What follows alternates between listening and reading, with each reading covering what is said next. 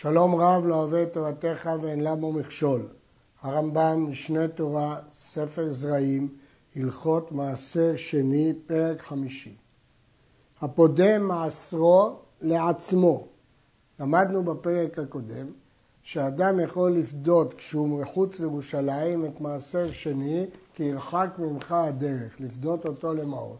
או אם הוא נטמע גם בירושלים, הוא פודה אותו על כסף. אם הוא פודה לעצמו, בין שהוא שלו, בין שנפל לו בירושה, למרות שמעשר שני הרמב"ם פוסק שהוא ממון גבוה, יורשים אותו. מדוע?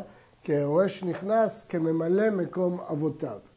בין שניתן לו בתבלו במתנה, כמו שביארנו, הרמב"ם ביאר שאי אפשר לתת מעשר שני במתנה, כי מעשר שני ממון גבוה, אתה לא יכול להקנות דבר לא שלך, אבל פירות תבל לפני שהפרשת מעשר שני, למרות שלכאורה כלולים בזה מעשר שני, כיוון שהוא עדיין לא הופרש, אפשר לתת לו מתנה. ואם כן, אם אדם יש לו מעשר שני, או שהוא שלו, או שנפל לו בירושה, או שהתבל ניתן לו במתנה, הרי זה מוסיף עליו חומש. זה דין התורה, כי יגאל איש ממעשרו, שאדם פודה את המעשר שני, הוא צריך להוסיף עליו חומש. איזה חומש? מבפנים או מבחוץ? הרי זה מוסיף עליו חומש, אם היה שווה ארבעה נותן חמישה, כלומר בעצם זה רבע מבפנים. עם החומש הוא יהיה חומש. שנאמר, ואם גאול יגאל איש ממעשרו, חמישיתו יוסף עליו. כך כתוב בספר ויקרא, שכשהוא גואל את מעשרו הוא מוסיף חומש. ואישה שפדת מעשר שני שלה לעצמה, אינה מוסיפה חומש. מפי השמועה למדו, איש ממעשרו, איש ולא אישה. הדין הזה של תוספת חומש הוא דין דווקא באיש ולא באישה. מה פירוש אישה? מה היא פדתה? לפי הרמב"ם מעשר שני שלה, וכן לפי רוב הראשונים. אבל שיטת רש"י שונה.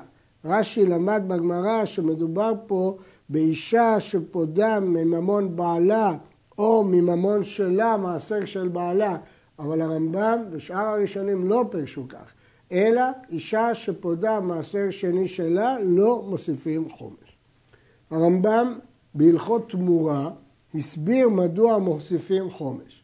ירדה תורה לסוף מחשבת האדם וקצת יצרו הרע, שטבעו של אדם נוטה להרבות קניינו ולחוס על ממונו. אמרה התורה, אם פודה לעצמו, יוסיף חומש כדי לחוף יצרו ולתקן דעותיו. ב. וכן אם פדה פדיון פירות המעשר לעצמו, מוסיף חומש. כלומר, הוא פדה את המעשר בכסף, עכשיו הוא העלה את הכסף לירושלים, והוא לא קנה מזה מהחנווני פירות, אלא הוא החליף אותם עם פירות של עצמו, שוב מוסיף חומש, כיוון שגם זה נקרא פדיון. ואם יש מקרה שהוא פודה את הממון בממון, כמו בזמן הזה, שאנחנו פודים את פירות מעשר שני על מטבע הגדולה, וכשהיא מתמלאת אנחנו מחללים אותה על מטבע של פרוטה, גם כאן צריך להוסיף שוב חומש. פדה פירות מעשרו והוסיף חומש, וחזר ופדה פדיון לעצמו פעם שנייה, מוסיף חומש שני על הקרן בלבד, ואינו מוסיף חומש על החומש. והפדיון השני הוא חומש תמיד על הקרן. ולכן אנחנו היום כשפודים צריכים להגיד מחוללים הוא וחומשו על המטבע. מעשר שני שאין בחומשו פרוטה, אם החומש של הפירות הללו לא יגיע לפרוטה, אינו מוסיף עליו חומש. וכן מעשר שאין דמיו ידועים, דיו שיאמר הוא וחומשו מחולל על הסלע הזה, אפילו שהוא לא יודע מהו החומש. וכל מעשר שאינו הוא פדיונו משלו, אינו מוסיף חומש. ומעשר שני של דמאי אינו מוסיף חומש. אז אם כן, הדינים הם, דבר ראשון, שאם זה החומש הוא פחות משווה פרוטה, לא מוסיפים את החומש הזה. לומדים את זה מהפסוק, מעשרו פרט למעשר שני שאין בו שווה פרוטה. כלומר, אם המעשר שני הוא פחות מארבע פרוטות, אז החומש יהיה פחות משווה פרוטה, לא מוסיפים חומש. ואם כן מה? אז יש כמה שיטות. יש דעה של רש"י ותוספות שאי אפשר לחלל על פרוטה כי היא לא תופסת. אז אין עצה רק לחלל על המעות הראשונות כפי שנלמד בהמשך. אבל דעת רוב הראשונים שמעשר שני שאין בחומשו שווה פרוטה אין קדושתו אלא מדרבנן. ונלמד בהמשך מה לעשות. הפודה מעשר שני והיה לו מעשר שני אחר שלא נפדה. אם אין בחומשו שווה פרוטה, דיו שיאמר הוא וחומשו מחולל על מעות ראשונות, וזאת גם העצה להלכה הקודמת. לפי שאי אפשר לאדם לצמצם את מעותיו. כלומר, אנחנו מניחים שמראש כאשר הוא פדה מעשר שני, תמיד בכסף יש קצת יותר מפרוטה מאשר היה צריך להיות. ולכן כשהוא צריך לחלל מעשר נוסף שהוא פחות מפרוטה, ברור שהוא יכול להיאסר על אותה מטבע, כי בוודאי שתישאר שם פרוטה. ולכן אפשר להשלים בסלע הזאת את הפרוטה. אה, צריך להדגיש שדווקא אם בפרוטה הראשונה או במעות הראשונות יש דרגה של מעשר שני חמורה יותר, או לפחות כמו הדרגה של המעשר עכשיו. כלומר, דגנתי ראש ויצהר ולא לקוח אלא מגינתו, זה נקרא פרוטה חמורה. ואז הוא יכול לחלל עליה גם פחות משווה פרוטה מכל סוג. אבל אם הפרוטה הראשונה היא לא חמורה, היא על דברים של דרבנן, לקוח או שאר ירקות או דברים אחרים, פה הוא לא יוכל אחר כך להפריש דברים של דאורייתא על סמך הפרוטה הזאת. הפודה מעשר ביתר על דמיו, לא נתפסה התוספת למעשר. כלומר, אם מתוך שהוא לא יכול לצמצם כפי שאמרנו בהלכה הקודמת, הוא פדה בממון רב יותר ממה שהוא היה צריך לתת, זה לא תפס, זה לא כמו הקדש, שסוף סוף הקדשת, זה תפס, כי כאן זה דווקא מעשר. אז מה שתפס זה רק מעשר, אבל יותר ממעשר לא תפס.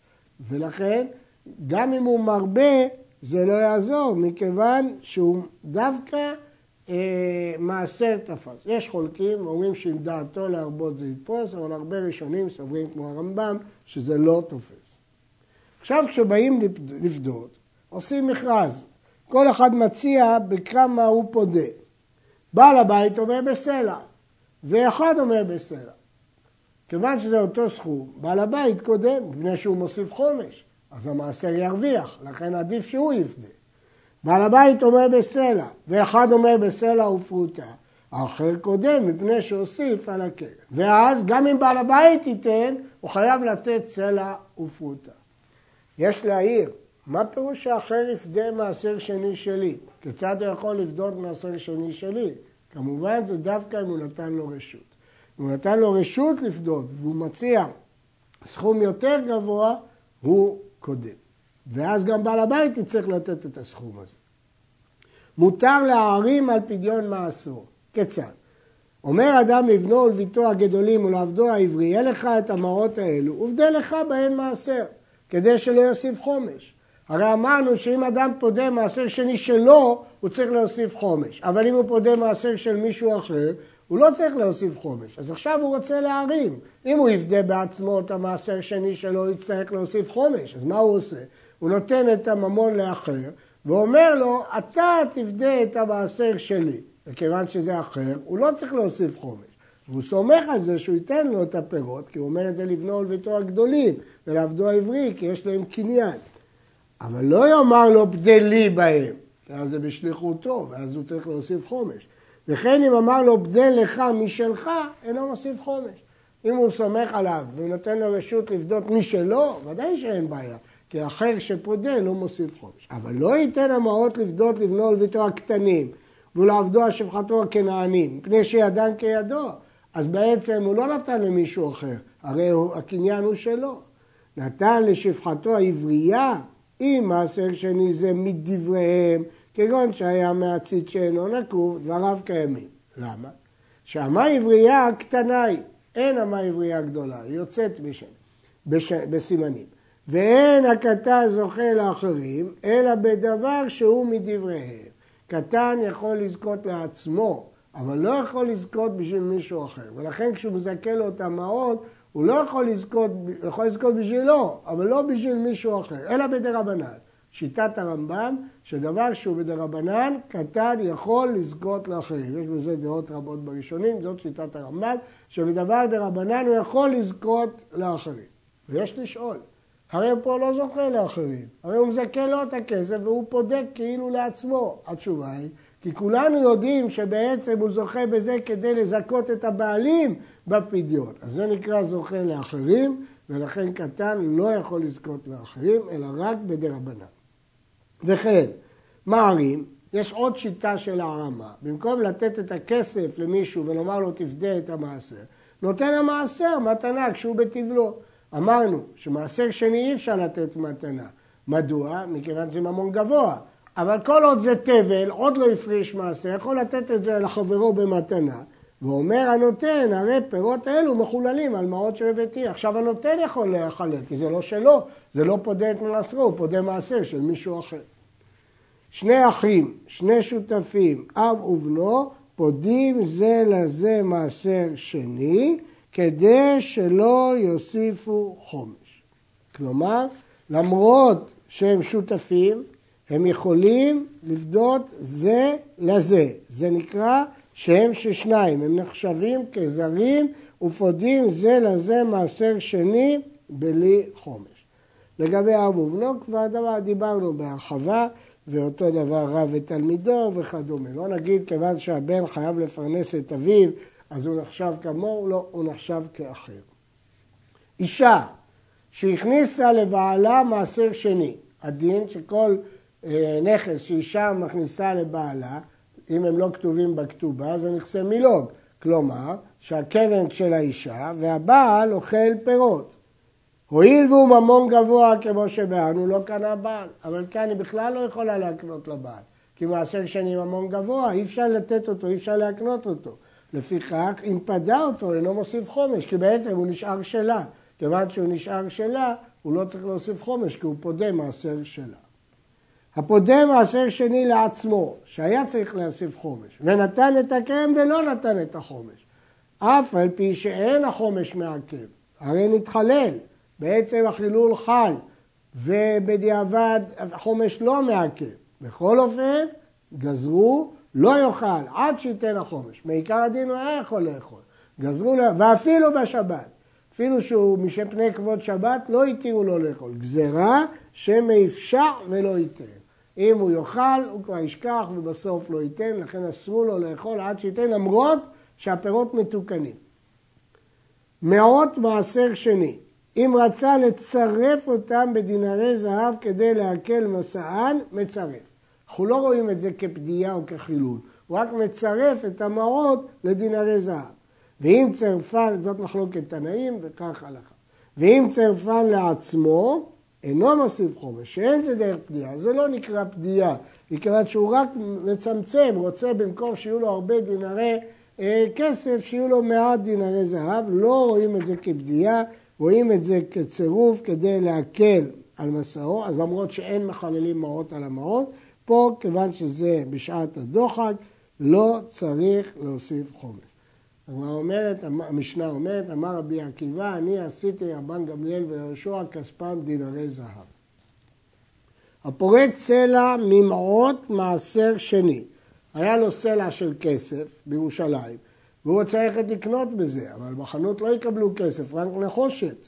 בין בירושלים, בין חוץ לירושלים, לא יצרף אותה כולה במעות נחושת. לא יכול להחליף את הכל למעות של נחושת, אבל למה? כי כסף הוא חשוב מנחושת, אז לא התירו לחלל את הכל, אלא בשקל מאות כסף ובשקל מאות נחושת. התירו מדוחק לחלל חצי על כסף וחצי על הנחושת. מותר לחלל כסף מעשר עם פירות המעשר על הכסף. אפשר לחלל את הכסף ואת הפירות על הכסף. שוב, זה כאילו שעת הדחק, אגב שהתירו לחלל את הפירות, התירו לו גם את הכסף כדי שיהיה לו מטבע שלמה גדולה. והוא שיהיה בפירות פחות משווה דינר, לכן הוא רוצה לצרף אותם. אבל אם היה שווה דינר, אין לו סיבה לצרף אותם, לא יחלל אותם הכסף, אלא בפני עצמם, יוכל להשיג עליהם דינר. כיצד? היו לו פירות שווה דינר ושלושה דינרים של מעשר שני. אינו מחלל הכל על סלע אחת, סלע היא ארבעה דינרים. אבל אם היו לו חצי דינר פירות וחצי דינר מעות, מחלל שניהם על דינר אחד. עד כאן.